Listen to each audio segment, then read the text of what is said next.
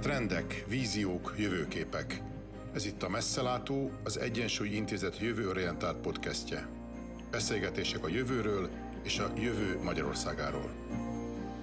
Ez itt a Messzelátó, az Egyensúly Intézet jövőbe tekintő podcastja. Boros Tamás vagyok, kérdezőtársam pedig Filipov Gábor.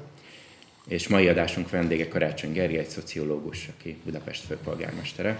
Köszönjük, hogy elfogadta a meghívásunkat. Köszönöm. Nagyon drukkolok ennek a szellemi vállalkozásnak, úgyhogy megtiszteltetés, hogy ha egy picit részt, de mégiscsak kapok abban, hogy közösen gondolkodjunk Magyarország jövőjéről. Köszönjük szépen, és ez a beszélgetés is alapvetően erről fog szólni, de ha már Budapest főpolgármesterevel ülünk egy asztalnál, akkor, akkor megkerülhetetlen a kérdés, hogy az elmúlt években, jó pár évben szinte naponta látunk olyan cikkeket, hetente látunk olyan könyveket, amelyek a városoknak a megnövekedő szerepéről szól arról, hogy amíg mondjuk a 20. század alapvetően a nemzetállamokról szólt, a 21. századot sokan a városoknak a, az évszázadának hívják, és azt gondolják, hogy mind politikai, mind kulturális, mind innovációs, mind urbanizációs kérdésekben ez lesz a, a meghatározó forma ebben az évszázadban. Hogyan látja, mennyire különbözik ez mondjuk az előző évtizedekhez? Valóban van ebben egy ilyen felgyorsult trend, vagy, vagy igazából mindig is a városok voltak az innováció központja, és ez most csak valami fajta hype, ami, e, ami, ami most előkerült az utóbbi években? Én azt gondolom, hogy ez a tendencia létezik, talán nem olyan mértékben, mint ahogy a polgármestereket szeretnék láttatni. Tehát az elmúlt időszakban, ugye a pandémia idején nagyon sok ilyen videokonferencián vettem részt többek között, a londoni főpolgármesterről is, aki hát mindig ezzel az idézettel kezdte, hogy akkor a 19. század volt a birodalom, aki a 20. század a nemzetállam, aki a 21. a városoké. Nyilván egy londoni perspektívából, vagy globális szinten ebben nagyon sok igazság van. Ugye Magyarország egy picit más, mert ugye Magyarországon történetileg úgy alakult ez is Trianon átka, hogy egy nagy városunk van, és akkor ez egy kicsit másféleképpen merül föl. De összességében, hogyha megnézzük a nagyvárosok szerepét a globális folyamatokban, akkor nyilván ez a szerep egyre inkább nő. És szerintem két szempont hajtja túl azon, hogy a népesség aránya, meg ezeket a kemény szociológiai tényeket ismerjük, tehát a városi lakosság nő, de ami szerintem közpolitikai szempontból, vagy a jövő tervezése szempontjából különösen fontos, azt szerintem az, hogy két dolog van, ami, ami a városokat arra készteti, hogy, hogy, hogy az élére bizonyos globális problémák megoldásának. Az egyik az, hogy ez sokkal jobban érinti őket. Tehát az összes olyan dolog, ami, ami globális szinten jelentkezik, mint probléma, és ami Budapesten is itt van, és amit egyébként a saját kampányomban is természetesen próbáltam nagyon aktívan kommunikálni, ezek, ezek, ezek leginkább a nagyvárosokban gyűröznek be. Klímaváltozás, szegregáció, a társadalmi identitás vagy beilleszkedésnek a problémái, lakhatási problémák. Tehát ezek a nagyvárosokban mindenhol vannak, és döbbenetesen ugyanúgy vannak. Tehát például kedvenc példám itt volt nálam a, egy kirgiz látogatás előkészítése történik, és itt volt a kirgiz külügyminiszter, nem dolgom nekem kirgiz külügyminiszterekkel találkozni, de ők nagyon kérték, hogy találkozunk, és akkor elmondta, hogy a kirgiz nagyvárosoknak mik a problémái, és akkor mondtam, hogy akkor welcome. Tehát, hogy, hogy, hogy ezek nagyon-nagyon hasonlóak. És mivel itt a, ezeknek a városoknak az életminőségét ezek nagyon konkrétan befolyásolják, ezek a, ezek a városok lépéskényszerben vannak, mert mindenhol van klímaváltozási probléma, csak mondjuk egészen más a klímaváltozást megélni egy, egy kis faluban, vagy mondjuk a Füredi úti lakótelepen, ahol, ahol szó szerint az emberek életével játszunk, amikor, amikor nem teszünk ezzel kapcsolatosan semmit, mert mondjuk Budapesten a, a, a nagyon meleg napokon 15%-kal magasabb a halálozási esetszám, mint egyébként. Tehát, hogy itt azért ez sokkal durvábban merül föl. Pontosabban a klímaváltozás, ami nyilván összességében az egész világot mindenkit érint, ennek a kézzelfogható hatóságai már most itt vannak.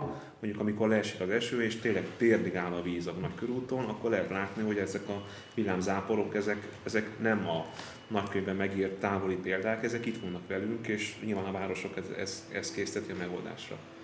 De a másik dolog az, hogy szerintem a városi kormányzási szint, ez hatékonyabb is ebben, és ráadásul ezek a konfliktusok nagyon sokszor identitás konfliktusok, és ezeknek a konfliktusoknak a megoldásában szerintem a városok egyszerűen ügyesebbek, mert egy más, vagy egy olyan típusú identitást kínálnak tulajdonképpen, amely, amely a nemzetállami szinten nagyon nehezen megoldható. Tehát Párizsinak lenni az egy létező identitás. A városnak egyébként van Párizs kártyája, kifejezetten arra politizál, hogy például a, mondjuk a több generációs bevándorló családok közötti identitás háborúkat, amelyek nyilván összekapcsolódnak elosztási kérdésekkel, sok minden mással. A városi szinten ezeket, ezeket könnyebb feloldani, másrészt pedig azt gondolom, hogy a városi kormányzati szint az egyszerre tud hatékonyabb és demokratikusabb lenni. Ugye a városok a demokrácia hát szülőhelyei, abból az nagyon egyszerű okból kifolyólag, hogy itt az emberek tudnak egymással találkozni. Itt vannak közel egymáshoz, és tulajdonképpen a képviseleti demokráciára a nagykönyv szerint azért van szükség, mert túl sokan vagyunk, meg földrajzilag túlságosan szétszórtak. Most nyilván a város, tehát olyan sincs, hogy Budapest összes polgára lejön a hősök terére, és akkor megszavazzuk a költségvetést, tehát nyilván a városi kormányzati szinten is van nagyon fontos szerepe a képviseleti eljárt, tehát a képviselő, képviselőknek, de a városok tudnak olyan technikákat alkalmazni, ami ezeknek a feszítő problémáknak a megoldása kapcsán kinyitnak olyan részvételi csatornákat, amiket országos szinten egyszerűen nehezebb megcsinálni.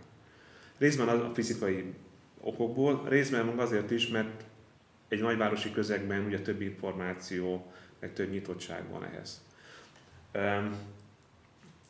Azt gondolom, hogy, hogy ha most 2030 felől visszanézek a mostani időszakunkra, akkor én azt remélem, hogy a demokrácia válságának ez az időszaka, amit azért sok részben a magyar kormánya, részben más európai kormányokkal, de akár az amerikai elnök pályafutásával is szoktak illusztrálni, hogy ez egy ilyen, ez egy ilyen vakvágánynak fog tűnni, és azt a narratívát fogjuk ebben látni, hogy a demokrácia az mindig válságban van, és néha jönnek emberek, akik ezt a válságot úgy kiteszik az asztalra, és a válság megoldásában is ez, amit mondani akarok, azok a részvételi elemek fogják ezt a válságot ledolgozni, amit városi szinten már alkalmaznak nagyon sokan. És amiben egyébként nekem is nagyon erős ambícióim vannak, mint főpolgármester, és el is kezdtük ezeket a folyamatokat. De a városok alkalmasak arra, hogy részleteli költségvetési folyamatokat indítsanak, alkalmasok arra, hogy stratégiát alkotsanak az állampolgárok bevonásával, alkalmasak arra, hogy egy beruházás kapcsán a demokrácia klasszikus eszményének megfelelő információt adjanak, és aztán az emberek partnerségét képítsék. Tehát városi szinten szerintem sokkal könnyebb a demokratikus krízisekkel szemben menni, és éppen ezért városi szinten szerintem a globális folyamatokkal is könnyebb, könnyebb felvenni a kesztyűt, vagy könnyebb hatékony lépésekhez társadalmi partnerséget vagy társadalmi többséget fölépíteni. Ezért azt gondolom, hogy, hogy, ez, egy, hogy ez egy nem csak egy, egy ilyen wishful thinking, hogy akkor a polgármesterek akarnák a hatalmat, és akkor városi kormányzati szintről beszélnek. Szerintem ez egy létező dolog, és elképesztően hasonló egy isztambuli főpolgármester problémája és egy, és egy londonié. Tehát ez bizonyos szempontból egy, egy, egy globális, másfajta keresztmetszetet jelent, mint a nemzetállami kormányzati szint. Említette, hogy a, a totális ókori típusú közvetlen demokráciának korlátja az, hogy azért nehéz lenne Budapest polgárait a hősök terére összecsődíteni. 2020 viszont talán abból a szempontból más, hogy gyakorlatilag itt vannak a zsebünkben a szavazógépek, és sokan azt gondolják, hogy a demokráciát úgy lehetne megújítani, úgy lehetne leküzdeni a demokrácia válságát, hogy, hogy kinyitjuk ezeket az elektronikus részvételi csatornákat. A kérdésem az az, és nyilván ez túlmutat egy önkormányzati cikluson, el tudja azt képzelni, hogy 2030-ban, 2035-ben, én nem tudom mikor, az állampolgárok akár napi szinten, akár mesterséges intelligencia segítségével, alkalmazásokon keresztül folyamatosan tudnak visszacsatolásokat adni a döntéshozatalhoz, akár a költségvetés tervezéséhez, akár beruházásoknak a kérdéséhez hasonló ügyekben. Abszolút. És szerintem nekünk érdekünk is, hogy ez meglegyen. Valójában a, nekem az a városvezetői tapasztalatom, ugye kerti polgármester voltam, és egy éve, szűk egy éve főpolgármester, hogy igazából az emberek egy dolgot rühellen, nagy, és nagyon rosszul tolerálják, hogyha ők adnak egy jelzést, és nincs válasz. Tehát, hogyha bejelent egy kátyút, akkor nyilván a sikerkritérium az, hogy ez a kátyú megszűnjön. De az, hogy egyébként senki nem mondta azt, hogy hello, köszönjük szépen, az az, az ami, ami, ami, ami nagyon, amire nagyon ingerülten reagálnak. És valószínűleg ez azért van, mert igazából az van, hogy az emberek két irányú kommunikációt várnak el egy városvezetéstől, és szerintem előbb-utóbb ez nemzeti szinten is meg fog jelenni.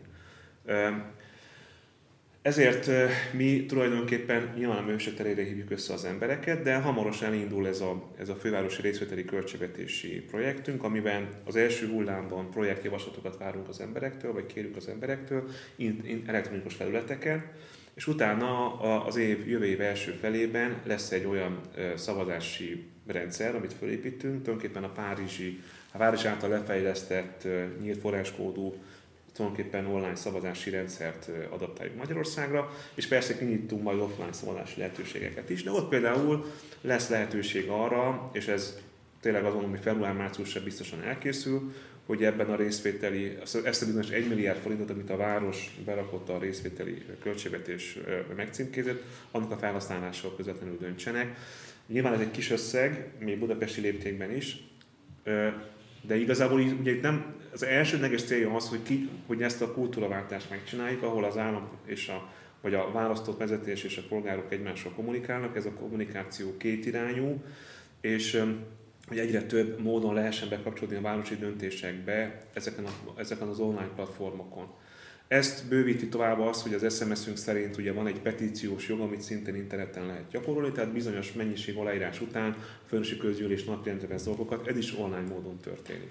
Tehát ez a, azt gondolom, hogy, hogy, hogy Nyilván van egy digitális, vannak a digitális szakadék másik oldalán állampolgárok, akiket kell ebben segíteni, de összességében azt gondolom, hogy néhány éven belül, vagy akár évtizedes léptékben azért az emberek, vagy a budapesti lakosság a többsége lesz olyan technológia birtokában, amivel nagyon könnyen tud nekünk jelzéseket adni.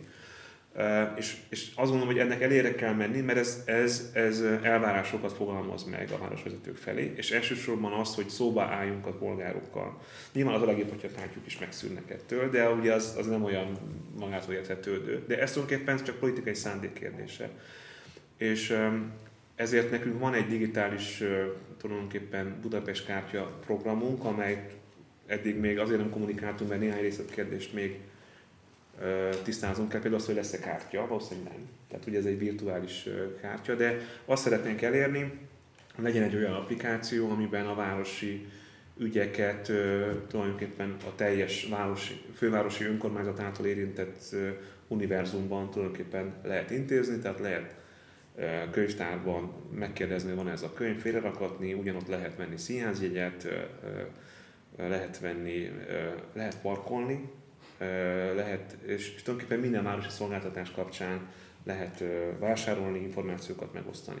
Ez részben azért is szükségünk van erre egyébként, mert amikor kialakul egy közvetlen kommunikáció, kétrányú kommunikáció, az nekünk politikai értelemben egy kormányfőváros politikai küzdelemben, amit, amire, amit én hosszú távon azt gondolom, hogy része lesz a politikának, függetlenül attól, hogy milyen pártállásúak a főpolgármesterek és a kormányok. Tehát ez, ez a kormányzati nemzeti kormányok és városok, ez mindenhol ilyen valami sodlódás, és a városok erejét az adja, hogy, hogyha én egy, egy applikáción keresztül el tudok érni egy millió embert, akkor azért ez egy erős súly nekünk is. Tehát összességében azt gondolom, hogy igen, a technológia ebben nagyon sokat segíthet, de nyilván a technológia magában nem elég, hanem ez egy kultúraváltás is, amelyet együtt tanulunk a választópolgárokkal, ezért apró lépésekben indulunk el, például azzal, hogy mondjuk egy milliárd forintot részleteli költségvetés formájában megcímkézünk ilyen közösségi projektekre.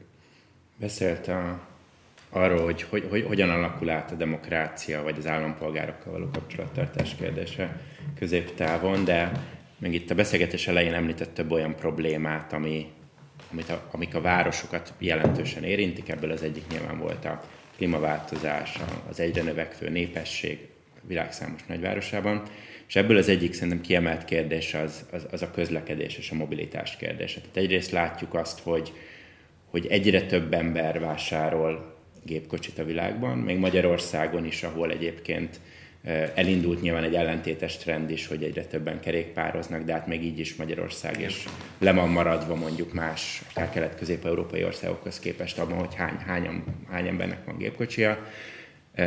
Egyre többet látjuk azt, hogy pont a már említett technológia az, az ilyen smart city segítségével nagyon hatékonyan tud közlekedést szervezni, szóval, hogy mindezeket látva, mit gondol egy tíz év múlva, mennyire fogunk ráismerni a mostani közlekedésre. Tíz év múlva Budapesten, vagy akár a világ más városában élő polgár mennyiben fog máshogy közlekedni a mindennapokban, mint, mint ezt most teszi?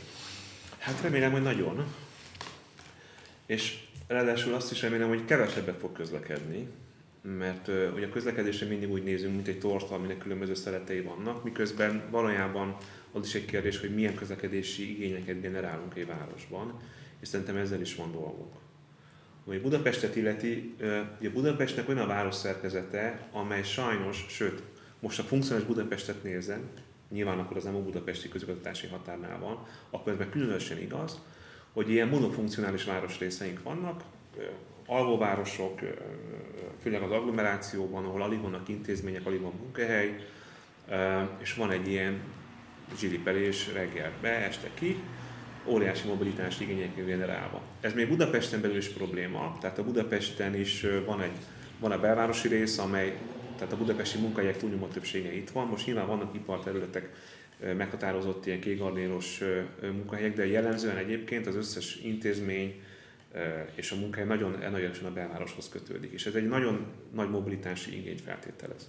Most ezt egyik pillanatról másikra nem lehet megváltoztatni, de nekünk az a városfejlesztési víziónk, hogy a, hogy a külső kerületeknek is legyen saját infrastruktúrája, legyenek városközpontjaik, legyenek, tényleg zuglói lakos vagyok, zuglóban gyakorlatilag 20 éve, lehet, hogy már több döglődik a város központprojekt a Bosnyák téren. A Jóisten is azt a teret arra teremtette, hogy ott városközpont legyen.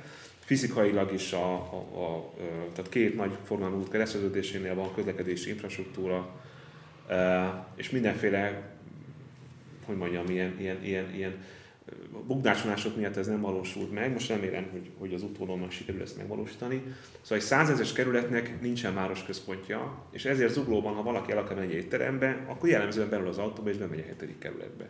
Miközben miért lehetne zuglóban mondjuk egy, egy olyan város szövet, ahol kifejezetten szórakoztatás, kultúra és vendéglátás van. De ez csak egy példa, nagyon sok ilyen, ilyen település részünk van még. Tehát szerintem ez is egy kérdés, hogy mennyit közlekedünk, és ebben a, a home office-ban most van egy áttörés, amit ugye a járvány kikényszerített, és, és én egyébként azt gondolom, hogy a tiszta home office az egyébként nem biztos, hogy jó, de egy olyan típusú munkerőpiac, ahol mondjuk minden munkavállaló mondjuk heti egy napot otthon dolgozik, az már önmagában rengeteget jelenthet. Vagy mondjuk az, hogy a, átgondoljuk azt, hogy, hogy mikor tulajdonképpen mikor vannak a közlekedési csúcsidők. Ugye nekem volt egy kezdeményezésem arra, hogy miért a középiskolában miért reggel 8 kezdődik az oktatás, amikor a gyerekek egyébként minden tanulmány kimutatja azt, hogy ez túl korán van egy gyermekszervezet számára, és, és a szülők ráadásul már nem is szállítják őket, tehát el tudnak menni önállóan is, és akkor talán nem állna az egész város dugóban reggel 8-kor, meg mindenki pontra 8-ra megy. Tehát szerintem van egy ilyen, egy ilyen része ennek a kérdésnek.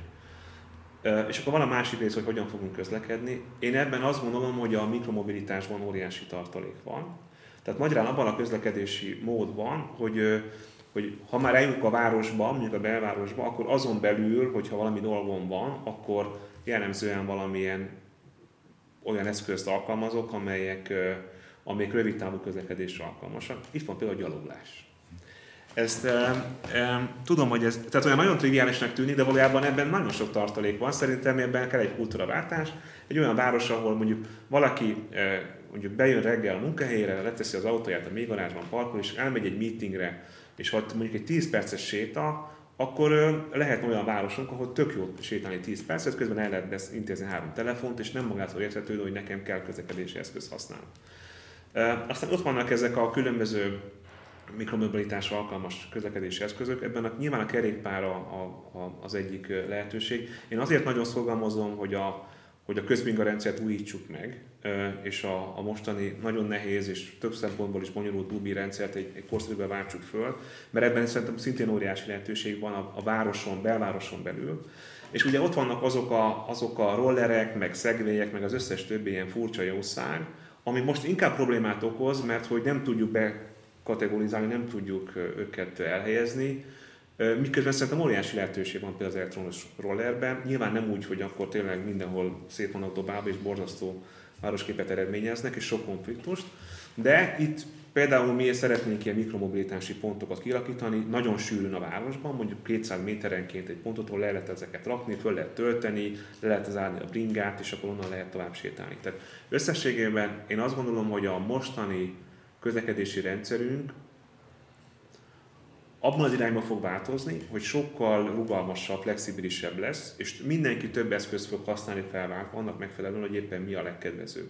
És ebben a belvárosi szinten, hogyha sikerül megvalósítanunk egyébként pont 2030-ig szóló budapesti mobilitási tervet, amit egyébként Tarlós István idén szavaztott meg a felső közgyűlés, csak szerintem senki nem olvasta, mert abban egyébként 10%-os kerékpár részesedés van, ami ugye belvár, városi szinten, ami azt mondja, hogy belvárosban 25%-nak kellene a bringának. Most néhány százalékot fölment, és néhány sávot el kellett vennünk ezért, és átadnunk kerékpározás, óriási balhé lett belőle. De összességében azt gondolom, hogy ha ezt a mobilitási tervet tartjuk, akkor a belvárosban nagyon nem lesz, tehát az egy kivétel lesz, hogy valaki autóba ül, és, és, és azt gondolom, hogy egy sokkal rugalmasabb, és ebben az értelemben az egyéni közlekedési szempontokhoz jobban kapcsolódó mobilitásunk lesz, amiben mindenki egyszerre lesz rolleres, bringás, gyalogos, autós és tömegközlekedő, mert minden hangszeren fogunk játszani, hogy el tudunk jutni egyik pontról a másikra. Egyetlen közlekedési eszközről nem beszéltünk, az elektromos autókról, ami, hogyha marad Budapestnek ez a szép terült Igen. szerkezete, azért nem lehet mellékes, és ott ugye egyelőre nem csak a járműveknek a magas ára, jelent akadályt, ami nyilvánvalóan rohamosan fog csökkenni a jövőben, hanem a töltőállomások hiánya. Tehát ha valaki útra kell, akkor nem tudja, hogy nem fogja leállni a, az út közepén. A főváros mit tud tenni hosszú távon ennek a problémának az ügyében? Ez egy nagyon érdekes vita, ami a, az elektromos közlekedést illeti. Nyilván minden lehetőség, ami csökkenti az emissziót a városban, az, az minket érdekel, és az fontos lehet. Ugye van egy érdekes vita arról, hogy egyébként az ökológiai lábnyom ezeknek az autóknak valójában kisebben, mint, a, mint, a, mint azok, amik klasszikus üzemanyaggal mennek. Én ezt, nem, én ezt egyelőre nem látom, de hogy, de hogy nyilvánvalóan a technológia gyorsan fog változni, és valószínűleg azért ez hosszabb ö, ö, üzemidőt fog feltételezni az autóknál, és kisebb árat is. Um, mondjuk, hogyha elkezdek egy várost, ahol ugyanannyi autó van, és ez mind elektromos, akkor például sokkal csendesebb lenne, és nyilván sokkal kevésbé büdös. Tehát önmagában nyilván ez a technológiaváltás is nagyon a városnak az érdeke, de ezzel együtt is ugye az autók, még az elektromos autónak is kell valami, ami, amiből nagyon kevés van a városban, ez pedig a hely. És szerintem a modern, most pont, főleg a pandémia miatt, a modern városok belső konfliktusai, ami a közlekedést érinti, szerintem a köztér felhasználás kapcsán fognak kiélesedni, hiszen mivel hát mindenkinek több térre van szüksége. Ugye ha zöldíteni akarjuk a város, tök jó, hova tudok fákat ültetni? Hát fel kell tőlem a betont, tehát vagy a parkolóhelyet veszem el, vagy az utat, vagy mindkettőt.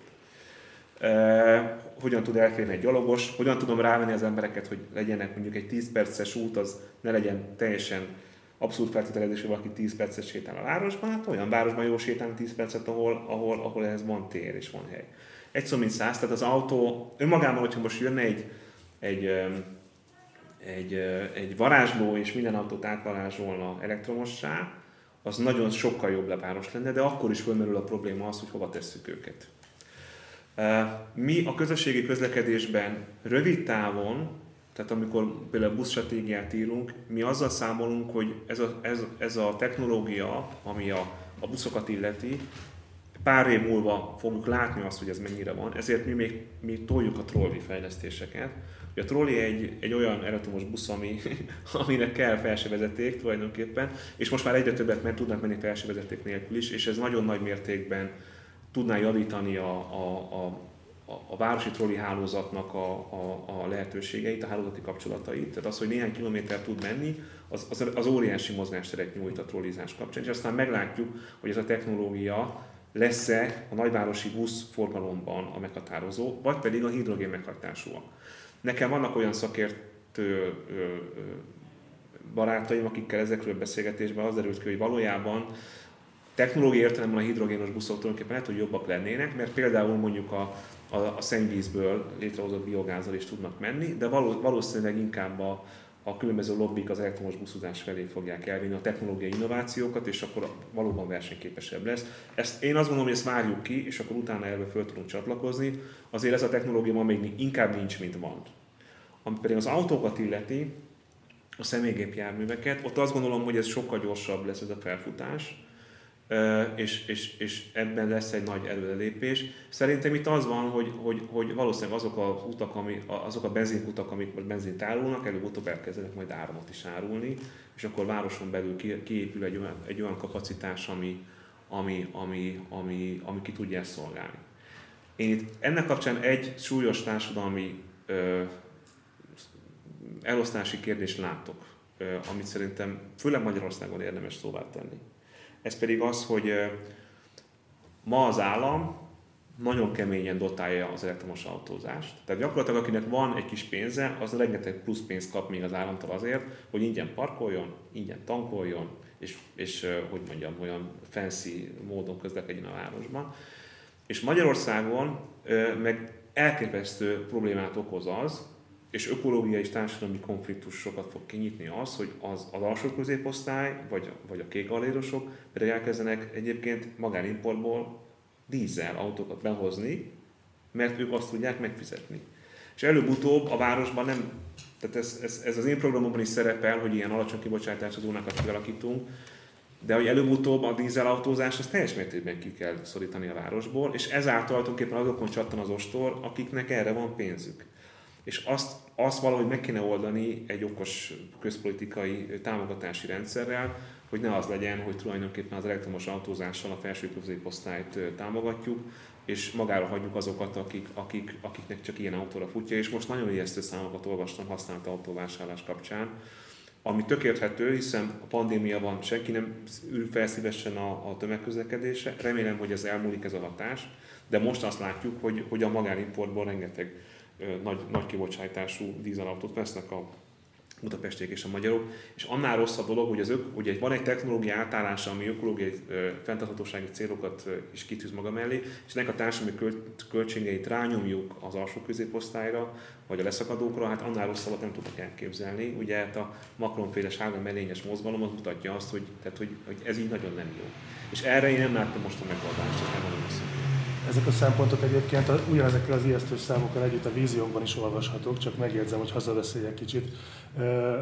Van arra valami elképzelés, hogy itt például a kormány és a főváros hogy tud együttműködni? Mert azért most azt sejtette az ön által elmondott gondolatmenet is, hogy alapvetően itt a politikai akarat és a politikai cselekvés az nagyon sokat tud befolyásolni ebben a folyamatban, hogy ne a legszegényebbek szenvedjék meg a klímaalkalmazkodást. Itt bármifajta párbeszéd az zajlik? Hát nem igazán. Tehát, hogyha most túl akarunk lépni a napi politikai szinten, akkor, akkor azt tudom mondani, hogy szerintem ez mindenhol kormányzati és városi igazgatási szintnek az együttműködését feltételezi, és ez tulajdonképpen tényleg átállozás kérdése.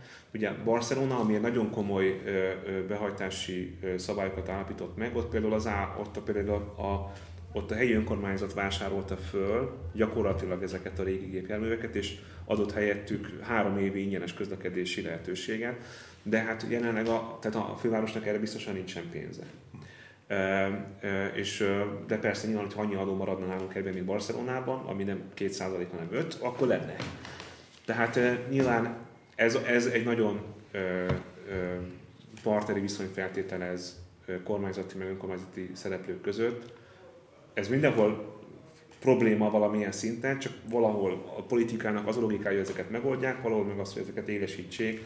Én 2022-ig nem látok ebben nagy mozgásteret, de én azt gondolom, hogy ez azért ez, tehát valójában ez nem egy, nem egy ördöglakat, tehát nem egy agysebészet, tehát pontosan tudjuk, hogy, hogy ezek, a, ezek a folyamatok hogyan, hogy, hogyan milyen irányban működnek, hogyha van lenne politikai szándék, akkor ezeket azért meg lehetne oldani.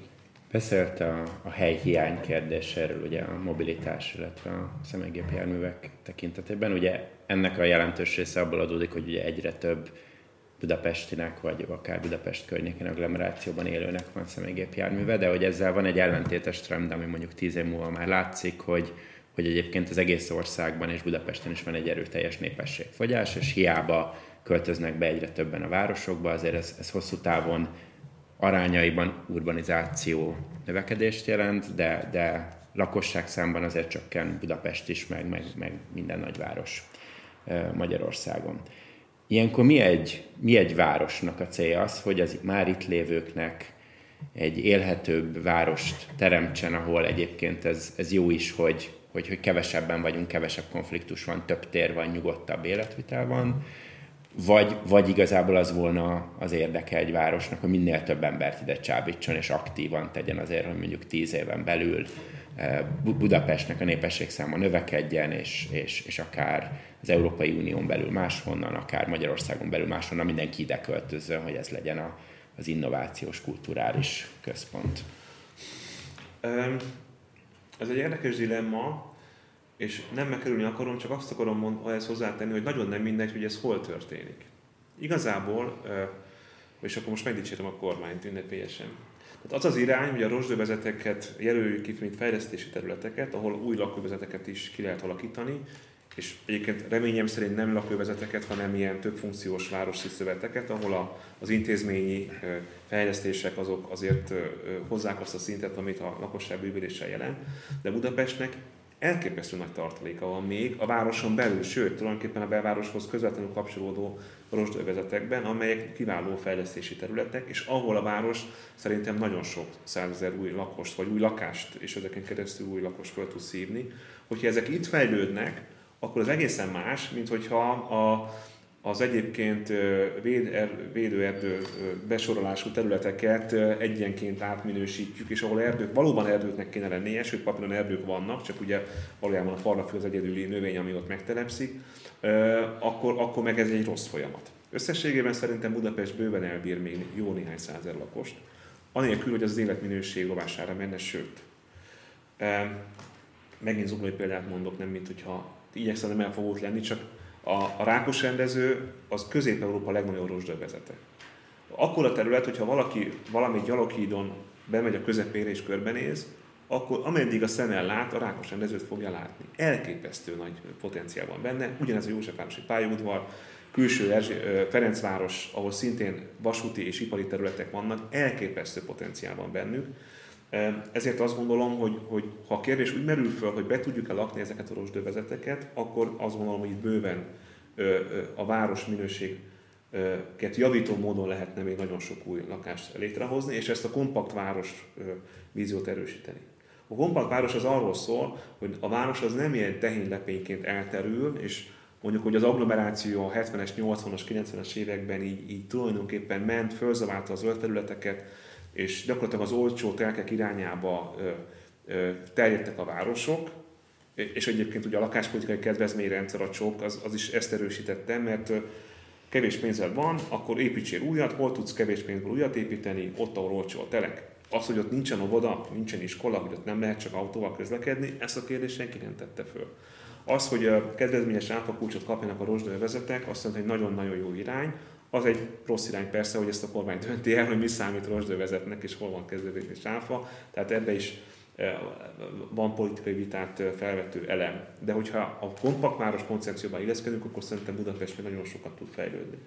És van egy dolog, amit, amit én 2000, tehát amit hosszú távon is egy rendkívül nagy problémának gondolok, és szerintem ezzel el kéne kezdenünk foglalkozni, és most már úgy érzem, hogy a kormány is ebben nyitottabb vagy, szóval van egy ilyen filozófiaváltás ebben, ez pedig a bérlakáspiac. Az, hogy Budapesten és Magyarországon ennyire kevés a bérlakás, ez azt eredményezi, hogy a, a, a, a munkaerőnek az áramlása az tulajdonképpen blokkolódik ezáltal, mert ha Budapesten akar feljönni vidékről egy fiatal, mert itt van munka, van, vannak, vannak olyan technológiák, amiben be lehet kapcsolódni, lehet tanulni, és lehet sok pénzt keresni, nem biztos, hogy megéri neki, mert az a sok pénz, amit keres, az elviszi az albérlet. És ez egyéni szinten is, tehát ez három szempontból is probléma, nyilván egyéni szinten is probléma, társadalmi igazságosság szempontjából is egy nagyon súlyos probléma, mert aki örökön a nagymamától egy panellakást, az tulajdonképpen már beleszületik a középosztályi létbe, aki meg nem, az meg, meg 30 évig kell gürőznie, hogy elérjen odáig, ahonnan valaki eleve indult, és ott még csak egy panellakásról beszélek és gazdasági hatékonyság szempontjából is. Tehát, hogyha nincsen a, a, nem tud, a munkaerő nem tud oda menni, ahol, munka, ahol van potenciál, azért mert a, lakhatási viszonyok ezt nem engedik meg, az, az visszafogja a gazdaságnak a növekedését. Ezért én nagyon fontosnak érzem, hogy Budapesten és egyébként a vidéki nagyvárosokban legyen bérlakáspiac. Ugye itt, hogyha 30 években gondolkodunk, tehát a rendszerváltáskor, az, e, a 90-es évek elején nyilván az önkormányzatok az akkori korszellemnek megfelelően elkezdték nyakló nélkül eladni a bérlakásaikat, hiszen egy borzasztó, tehát a szocializmus valószínűleg legrosszabb brandje volt az IKV, ezt én értem, csak hogy valójában most átesünk a ló túlsó oldalára, és tulajdonképpen Magyarország egy szélsőségesen kicsi közösségi lakásszektorral bíz, bír, és Budapesten belül ez, ez a lakásszektor ráadásul, ami még megmaradt az önkormányzatoknál, közösségi lakásszektor, ezek borzasztó rossz állapotú, szegregált, a társadalmi nem, nem, nem felszámoló, hanem éppen, hogy megerősítő lakásállományt jelent. Tehát ebben, ebben borzasztó rosszul állunk. És ez, ez bizonyos válasz arra a kérdésre is, hogy, hogy akkor legyen Budapesten több lakos vagy kevesebb, mert egy, egy, egy bérlakáspiac ezt a fajta puffert létre tudja hozni, és hogyha egy város elkezd nagyon gyors gazdasági növekedést mutatni, és, és, és, és így vonza magához a, a, mondjuk a fiatalokat, az energiát, akkor képes felszívni ezeket a munkavállalókat, és hogyha van egy másik trend, akkor, akkor, akkor van egy puffer, amivel ezt el lehet engedni. És az, hogy ennek mekkora jelentőség van egyébként, az nekem a kedvenc példám Kolozsvár, ami elképesztően trendi hely lett az elmúlt években, egyszerűen azért, mert az IT szektor megtalálta magának, részben az egyetem közelsége miatt, és ott teljesen átformálta a városnak a hangulatát. Tehát magyarán, hogyha van, van bérlakásszektor, és van például tudásalapú új technológiákat beporsító ipar, akkor egy város iszatosan el tud kezd, nem, nagyon át tudja gyúrni. Budapesten ennek a szűk keresztmetesz szerintem az a, az a bérlakásszektor hiánya. Beszélt két szegmensről, amikor a lakáshelyzetről volt szó. az egyik, hogy szükség van új lakásokra, és itt említette, hogy erősdő vezet a kérdését. Volt szó a bérlakásokról, de van egy harmadik, amit látunk a világ sok pontján, Berlinben, Münchenben, Bécsben, ez pedig egy szabályozási kérdés, hogy, hogy a bérleti piacot valamilyen módon akár a bérleti díj maximalizálásával, akár bizonyos olyan árképzés kialakításával, amivel lehet, lehet csökkenteni a, a, az albérletek árát. Szóval hogy mindezeken keresztül segítik azt, hogy, hogy minél mobilisabb legyen a, a, a munkaerő, és minél többen be tudjanak költözni a városokba. Hogyan látja ezt a dilemmát Budapesten? Ugye van nagyon sok ember, aki azt gondolja, hogy ez azért az részben akár még az alsó középosztálynak is az egy fontos bevétele, hogy ezeket a lakásokat ki tudja adni, és van ugye a másik amiről egészen mostanáig beszéltünk a másik oldalnak a problémának, hogy, hogy nem tudják a fiatalok megfizetni ezeket a lakásokat. Nyilván egy helyi önkormányzat akkor tud adott esetben kemény szabályokat is meghozni, ha egyébként elmutatja magáról azt, hogy ő egyébként a bérlakás szektorban milyen komoly előlépéseket tett. Hát ez rólunk nem elmondható, és most remélem, hogy 30 év múlva majd azért be tudunk számolni arról, hogy akkor hogy a 2030-ból visszatekint, hogy azért Budapesten ebben elindult a változás. De az tényleg, hogy, hogy mondjuk Berlinben, tehát ott azért kőkemény, tehát ott ugye gyakorlatilag a magántulajdonban lévő lakások államosítása, vagy közösségi tulajdonba is fölmerült, tehát hogy ott azért ez nagyon komoly beavatkozási javaslatok merültek föl. Ugye itt nálunk ez az Airbnb vitában jelenik meg elsősorban, ami most itt és most egy kicsit akadémiai vita, hiszen gyakorlatilag nincsen nemzetközi turizmus Budapesten most, de nyilván előbb-utóbb reméljük, hogy lesz. Én azt gondolom, hogy, hogy én, én szabályozáspárti vagyok, nem olyan, olyan, én azt gondolom, hogy az lenne a jó szabályozás Budapestnek, ami, ami a nyári időszakban, vagy az év meghatározott időszakában engedi, hogy a lakásokat turisztikai célba hasznosítsák, de egyébként pedig egy olyan felsőkorlátot azért tartalmaz, hogy az év többi részében inkább a, a hosszú távú lakáskiadás legyen a jellemző. Tehát az ideális világ az az lenne, hogy akkor nyáron lehet Airbnb-zni, és évközben pedig ki kell adni egyetemistáknak a lakást, és akkor valahogy ilyen kecske is káposzta.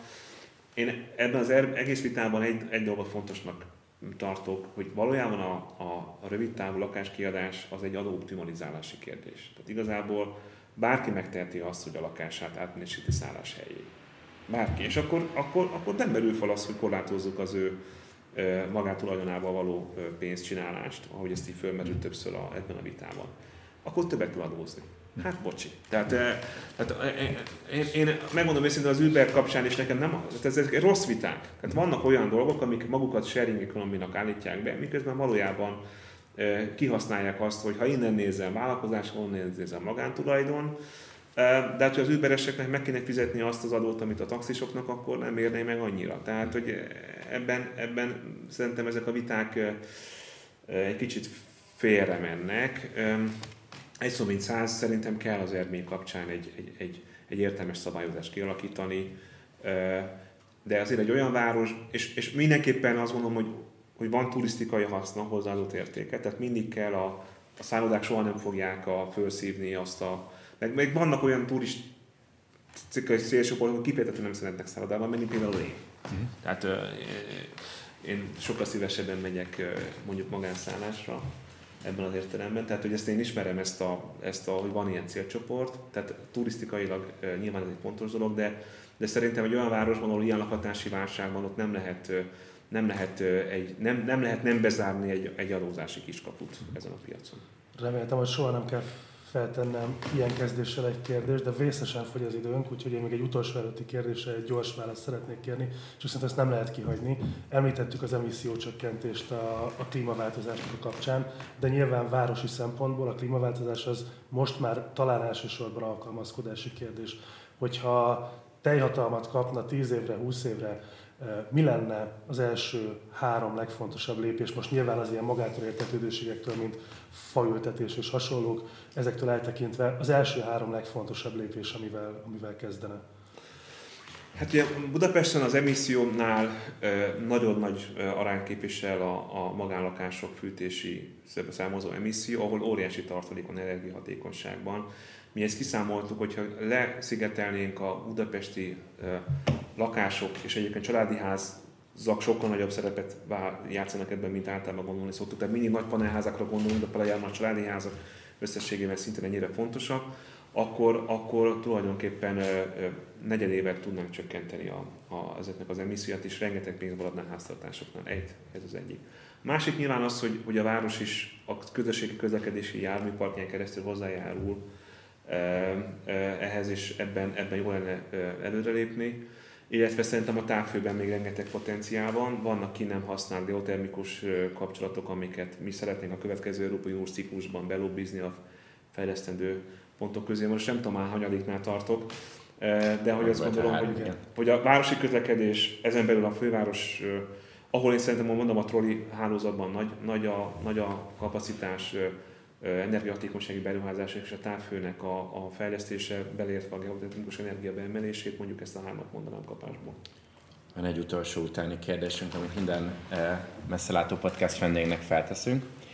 Ez pedig az, hogy szeretnénk, hogyha a hallgatóknak ajánlana egy olyan könyvet, amit, amit abból a szempontból érdemes elolvasniuk, hogy hat-hat a gondolkodásukra a jövővel kapcsolatban. Ez lehet olyan könyv, ami kifejezetten a jövőről szól, lehet olyan könyv, ami nem a jövőről szól, de hogyha elolvassa valaki, akkor, akkor jobban megérti, hogy mi fog történni a, a világban. Van-e ilyen, akár a közelmúltban, akár régebben olvasott könyv, amit, amit, amit szívesen ajánlana? Valójában, ha tudom ezt a kérdést, akkor lehet, hogy, hogy, hogy jobban készülök rá, ezért most, hogy mondjam, nagyon őszinte lesz a válaszom. Valójában egy történést szeretnék javasolni. Akit, akit az elmúlt másfél évben rengeteget olvastam, gyakorlatilag mindent elolvastam tőle, ami magyarul olvasott, ez a Timothy Snyder. És azért javaslom elolvasni, mert minden dolog, amit most megélünk, és szerintem a Magyarország mondjuk új progresszív gondolkodó rétegét, meg különösen nyilván nyomasztja a demokrácia válsága. Tehát az olyan történeti léptékben helyezi. És, és ez egyszerűen jó meg rossz hír. Jó hír az, hogy hát mindig voltak ilyen visszacsuklások a demokrácia fejlődésében. A rossz hír az az, hogy ezek nagyon mélyen be vannak ágyazva a, a, a nemzetközi viszonyokban, meg, a, meg hát az emberi működésmódunkba. De hogy ezek a könyvek, még azok is, amik, amik a második világháború borzasztó véres csatáiról szólnak, nagyon-nagyon széles történelmi perspektívába helyezik ezt az egészet és tulajdonképpen arra hívják fel a figyelmet, hogy, hogy, hogy a történelem mindig így hullámzott, és most szerintem egy, egy olyan hullám is elkövetkezhet, amikor a demokráciát jobban meg tudjuk erősíteni, és szóval az, az ő könyvei nekem nagyon, intellektuálisan nagyon sokat jelentettek az elmúlt időszakban, úgyhogy ha a jövőt akarjuk látni, akkor lehet, hogy visszafelé is érdemes nézegetni, és erre az ő könyvei szerintem kiválóan alkalmasak. Karácsony Gáriáj, köszönjük szépen a beszélgetést. Én is köszönöm.